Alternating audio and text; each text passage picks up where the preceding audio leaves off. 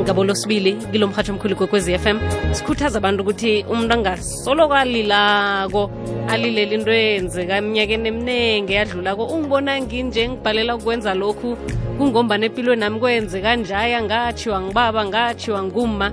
Heyi kunabantu abaphumeleleko abatshiwa babelethi babo kunabantu abaphumeleleko abavelelwa zizinto ezibuhlungu.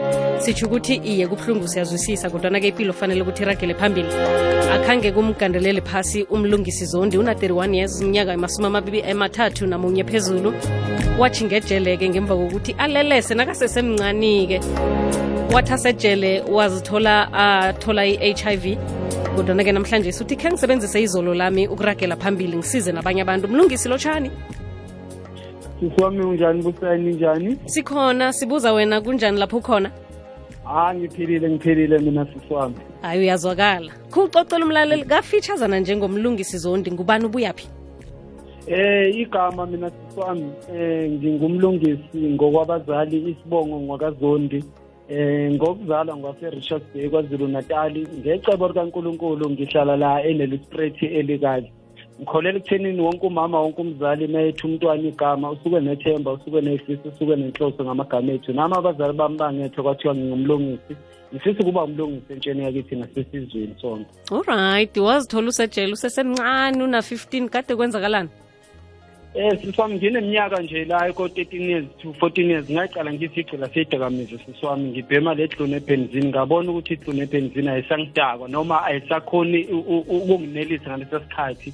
Nokuholela ekuthenini ngiqale-ke ngigange ngenza ubugebengu obuhlukahlukene ama-house breaking eh ama-robbery. Nokuholela ekuthenini-ke lapho ku-2003 sabanjwa nabangani bami ngecala lokubamba inkunzi kuhlonyiwe. Amen robbery amen robbery murder.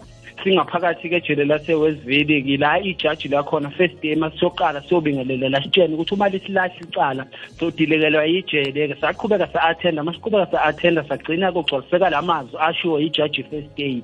Lasilahle icala sagwetshwa 2004 u-life sentence u-life sentence is 25 years.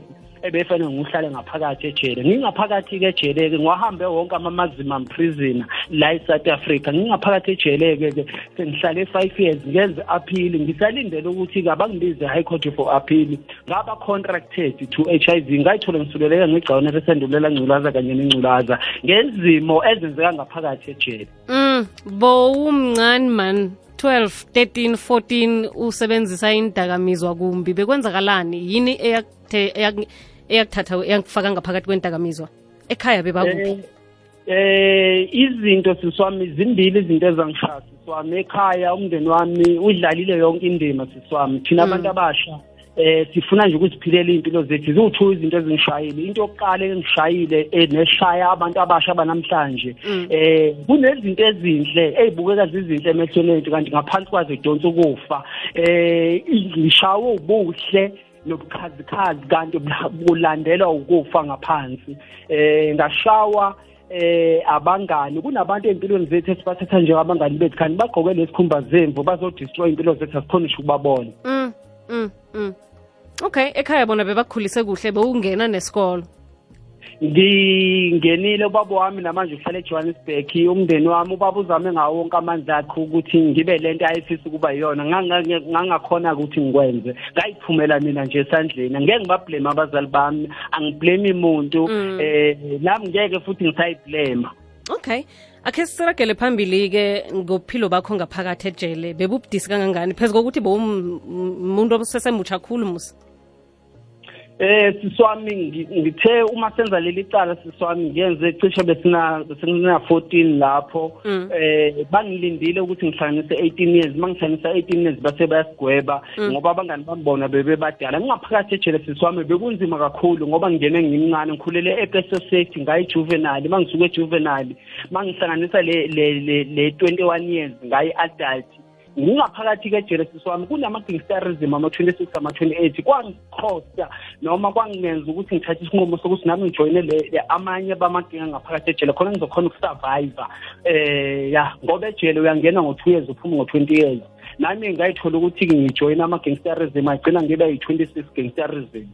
Ukuze ngikhona ukusurvive ngaphakathi ejele. Ngoba amacala akho lawo wenze usesemncancane khulu-ke sowubotshwa sowumkhulu um bekunganakuthi yazini mina bengisesemncane bengingayazi into engiyenzako um bangangizweli bomthetho na? Ubona ngathi isandla somthetho vele besifanele sikwenze ngendlela esenze ngakhona Eh mina siswami ngihlale ngithi empilweni yami konke okwenzakalayo kwangine-purpose kwakufanele kwenzeke siswami. Sometimes eh kunezinto ofanele lidlule kuzona noma okufaka kuzona uNkulunkulu efuna kwakheka abanye abantu. Angisoli ingalo yomthetho angisoli abazali bami angisoli nomphakathi. Kwakufanele siswami. Alright wadosa ke eh ebudisini obunjalo negangsterism yangaphakathi ejele. Kusho ukuthi musejele kusesenobutsotsi ngingaphakathi ejele siswami eh lento yama-gangsterism besisituka ngaphakathi ngaphakathi sisebenzisa nama-drugs akhona ngaphakathi ama-drugs. Wonke le manhlobo yama-drugs akhona ngaphandle nasejele akhona okay. Eh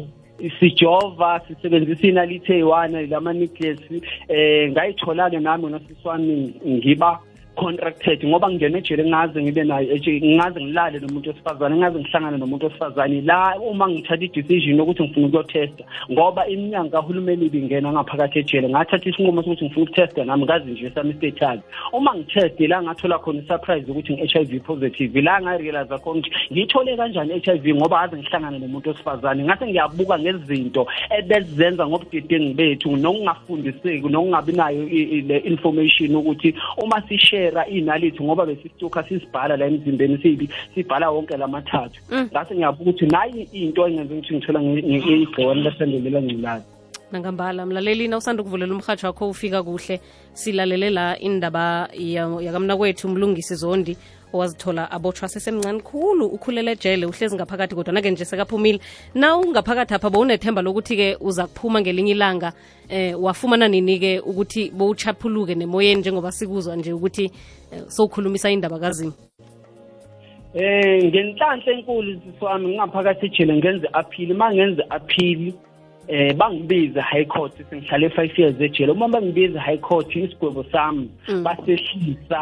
Basehlisa eh ngezakhe ethize ababebuka khona ukuthi icala lo- enzile lifana naleli akaze ngitholakale. Number 2 akaze ngitholakale nesibhamu. Number 3 akaze ngimbulale kuwukuthi ngangikhona esigamekweni kwenzeka leyo nto Kodwa kazange Eh, ubulale. base- base- base bayesehlisa ngaleso sizathu ngagcina ngihlala 10 years ejele ngaphuma 2012 Oh. uma ngiphuma ku-2012 ke uNkulunkulu kwaqala umsebenzi kuze kube namhlanje. Okay umthola ukuphi uzimu ngaphakathi ejele noma um- uhlangene no- nobuphilo bakho obusha sowungaphandle ngingaphakathi ejele siswami eh bekunama-organization nama-department nama-social worker ngaphakathi ejele nabafundisi bebengena eh besifundisa nge- ngama-life skills nangendlela zokuzakha uwumuntu omusha. Nami-ke la ngaqala khona thatha isinqumo ngempilo yami nga- esizongisiza ngibe umuntu onganqwela phambili. Eh unkulunkulu wangenelela sengithathile isinqumo ngase ngithatha i-action unkulunkulu waseyangenelela umuntu wokugcina empilweni yami owangenelela. Kuzimu kuzokala kamnandi. Abantu abatsha ufuna ukuthini kibo namhlanje singoba sinaku se ufounde namkhana niklame ihlangano yokusiza. Uthini? Urhatsha liphi ivangeli nasele ungaphandle nje? Siswami eh nginomthwalo uNkulunkulu awubekile. Ngisebenza ngezikole zonke eMpumalanga wonke amajele. Ngihambe ngifundisa ngiqwashisa abantu abasha. Ngifisa ukuthi umuntu omusha eh ongakabi nayo ingculaza angabisabi nayo abantu abasha abasiphathe kahle abantu abasha abahamba bothesta. Onayo kuyaphileka nayo mina ngina 14 years ngiphila nayo. Into engiyithandayo ngayo le HIV ayikho emoyeni isegazini ayingicontrol yimi engicontrolayo i-HIV namhlanje ayibulele ayibulali. Uma usutholile ukuthi unalo igciwane iziphilisi lakho eh yeka ukusebenzisa idakamizwa number 2 abantu abasha baqaphela abantu abafikayo empilweni zabo sibathatha njengabangani bethu ngoba kunabantu esibabona ngathi babalekile kanti uNkulunkulu badinga besukile empilweni zethu. Ku- ngeke ukhone ukwakha ikusasa lakho kusekhona abantu abarong empilweni zakho. Kubalekile ukuqaphela abantu abafikayo empilweni zakho. Number 2 abantu abasha baqaphele isidakamizwa ukuthi isidakamizwa sinamandla obumnyama siyakhona ukushintsha umuntu simguqule simenze lento angasiyona. Mhlambe namhlanje ungayibona ukuthi impilo yakhe i-right mhlambe kusasa uzoba yipharala kusasa kodwa awazi okay njengoba uphumile kune-criminal record usesenalo? Sisiwami nginalo i- i- i- i-criminal record. Ngenhlanhla ke enkulu sisiwami mina. Okungenzeki kubantu kuJehova kuyenzeka mina sisiwami ngibuye kuyosebenza ku-department ya-social development. Ngibuye ukuyosebenza sisiwami kwi-department ya-correctional service. Ngifundisa ngaresigna swami ngoba lo msebenzi uNkulunkulu uthi hayi eh awungasebenzi eh, la uzolinyithwa khona ufuna ukudla umhlaba wonke umuntu uyayijinga lento eh ngibuya khona ngufakazi ke mina siswami nginalo kodwa kukho la engangeni khona ngoba kwakune-purpose ukuthi ngidlule kuzo zonke lezi zinto. Wow okungenzeka ebantwini kuyenzeka ngozimo yini igama lehlangano yenu? Eh siswami manje ngivule i- i- i- i- i-non-profit eh, company foundation lena siswami. Eh inhlangano ebhekelela abantu besilisa i- i- i-positive men's eh, network foundation siswami. Eh i-base la eMpumalanga eh ngisebenza ngezikole namajele ngoba ngibonile ukuthi abantu besilisa eh bayasaba ukuyotesta abantu besilisa eh naku noma beye emakliniki noma ebhedlela kubukelekile ngathi lezi ndawo zibhekelele abantu abantwana kanye nabantu besifazane. Manje lenhlangano iengeja umfana ukuthi umfana uyiphatha njani egcine ebe eh, indoda. Eh abantu besilisa nje iprogram ebheza abantu besilisa nabo bonke abantu abaphila negcona lesandulela ngculaza ukuthi uqinisekise ukuthi noma ngabe uthi uyasebenza eh fanele ukudla i-treatment yakho ngena kusho konke ama-private company ukuzogqugquzela ukuthi abantu kufanele aqasheke umuntu ophila negcona lesandulela ngculaza kumele adle i-treatment yakhe isho noma nguphi la khona. Kuba yini ubona kucakathekile ukuthi uveze eh ubujamo bakho nge-HIV Eh siswami ngibukile siswami ukuthi isikhathi siphila kusona namhlanje singabantu siphila impilo engamanga abantu baphila impilo engasizona. Ngabuka siswami ukuthi uma ngithatha isinqumo sokuthi eh kuba imfihlo yami nomndeni wami lokho ngizobulala abantu abaningi. Ngase ngithi uNkulunkulu ngicela ukuthi ungiphe amandla nesibindi sokuthi ngikhone uku-assist abanye abantu. Usuku nosuku ngiseva abantu abasha usuku nosuku abantu abaningi baphila ngami bayakhona abanye abantu kade bewile abasabayo ukuyolanda amaphilisi. Bayakhona ukuhamba bayolanda uma bebona ukuthi mina ngikhonile ukuwa ngavuka ngayicosha ngoba kubalulekile ukukhumbula la khona uvuka uyicosha. Mna ngambala kunabantu abathandako ukuthi bakhulumisane nawe nje ngalokhu abakuzwako. Khe silalele umlaleli othumele iphimbo lakhe ku-079 413 2172 lotsha sisibusayi yo lento engizwa kulo bhudi yazi keep it up bhudi wami. Bayabalwa abanjengawe abakhona ukuzikhuluma njengoba banjalo. Kuhle futhi into eng- eng- engiyithandako ngithanda ukuthi awublame umzali awublame makhelwane awublame mngani uziblame wena.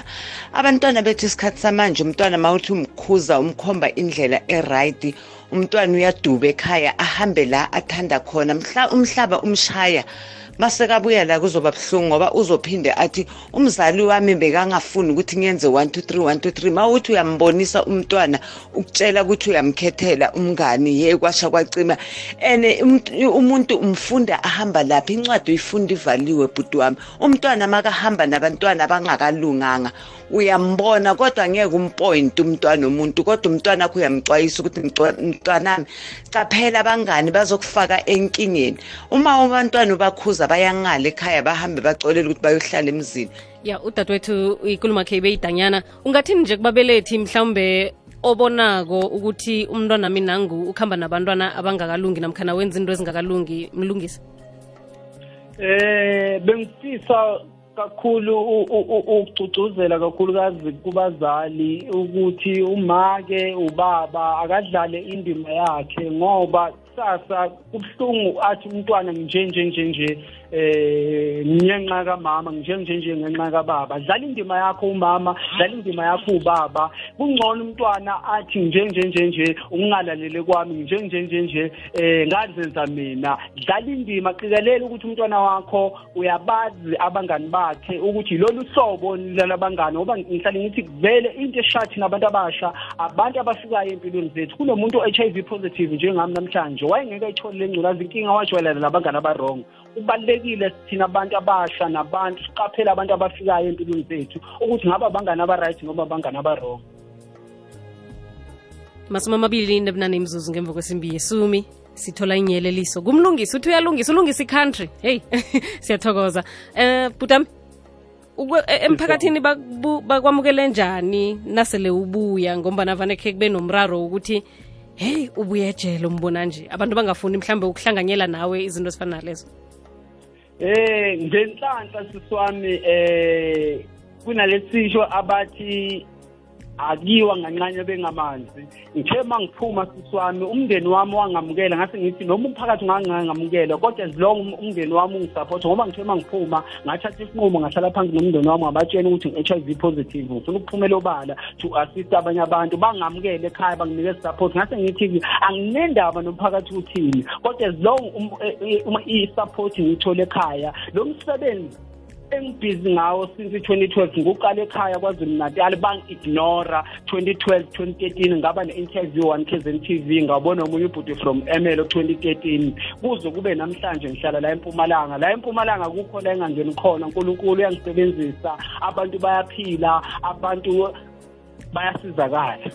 Right. Khe kusize-ke nabanye-ke mhlawumbe bathanda kokuthi bathindane nawe bakufumana njani abalaleli bomrhatsho Eh ngiyatholakala siswami eh kule nombolo yami ethi 082 082 double six 66 three eight 38 four nine two zero eight two double six three eight four nine two. Ngatholakala ku-whatsapp ngatholakala ku-facebook twenty four seven. Ngisebenzela kakhulu la empumalanga kodwa ngiyaya nakwamanye ama-province kakhulukazi e-kzn nase-johannesburg uma be-invayithile kulama-event or emasontweni ngoba ngiyangena ngisho emasontweni. Akukho la engangeni khona ngoba le nto unkulunkulu wami um inamandla. Nangambala siyathokoza um mna kwethu angitsho sikufisela ichudu ngomsebenzi wakho muhle uzima kuphamandla nethando kodwa ukutshinga phambili.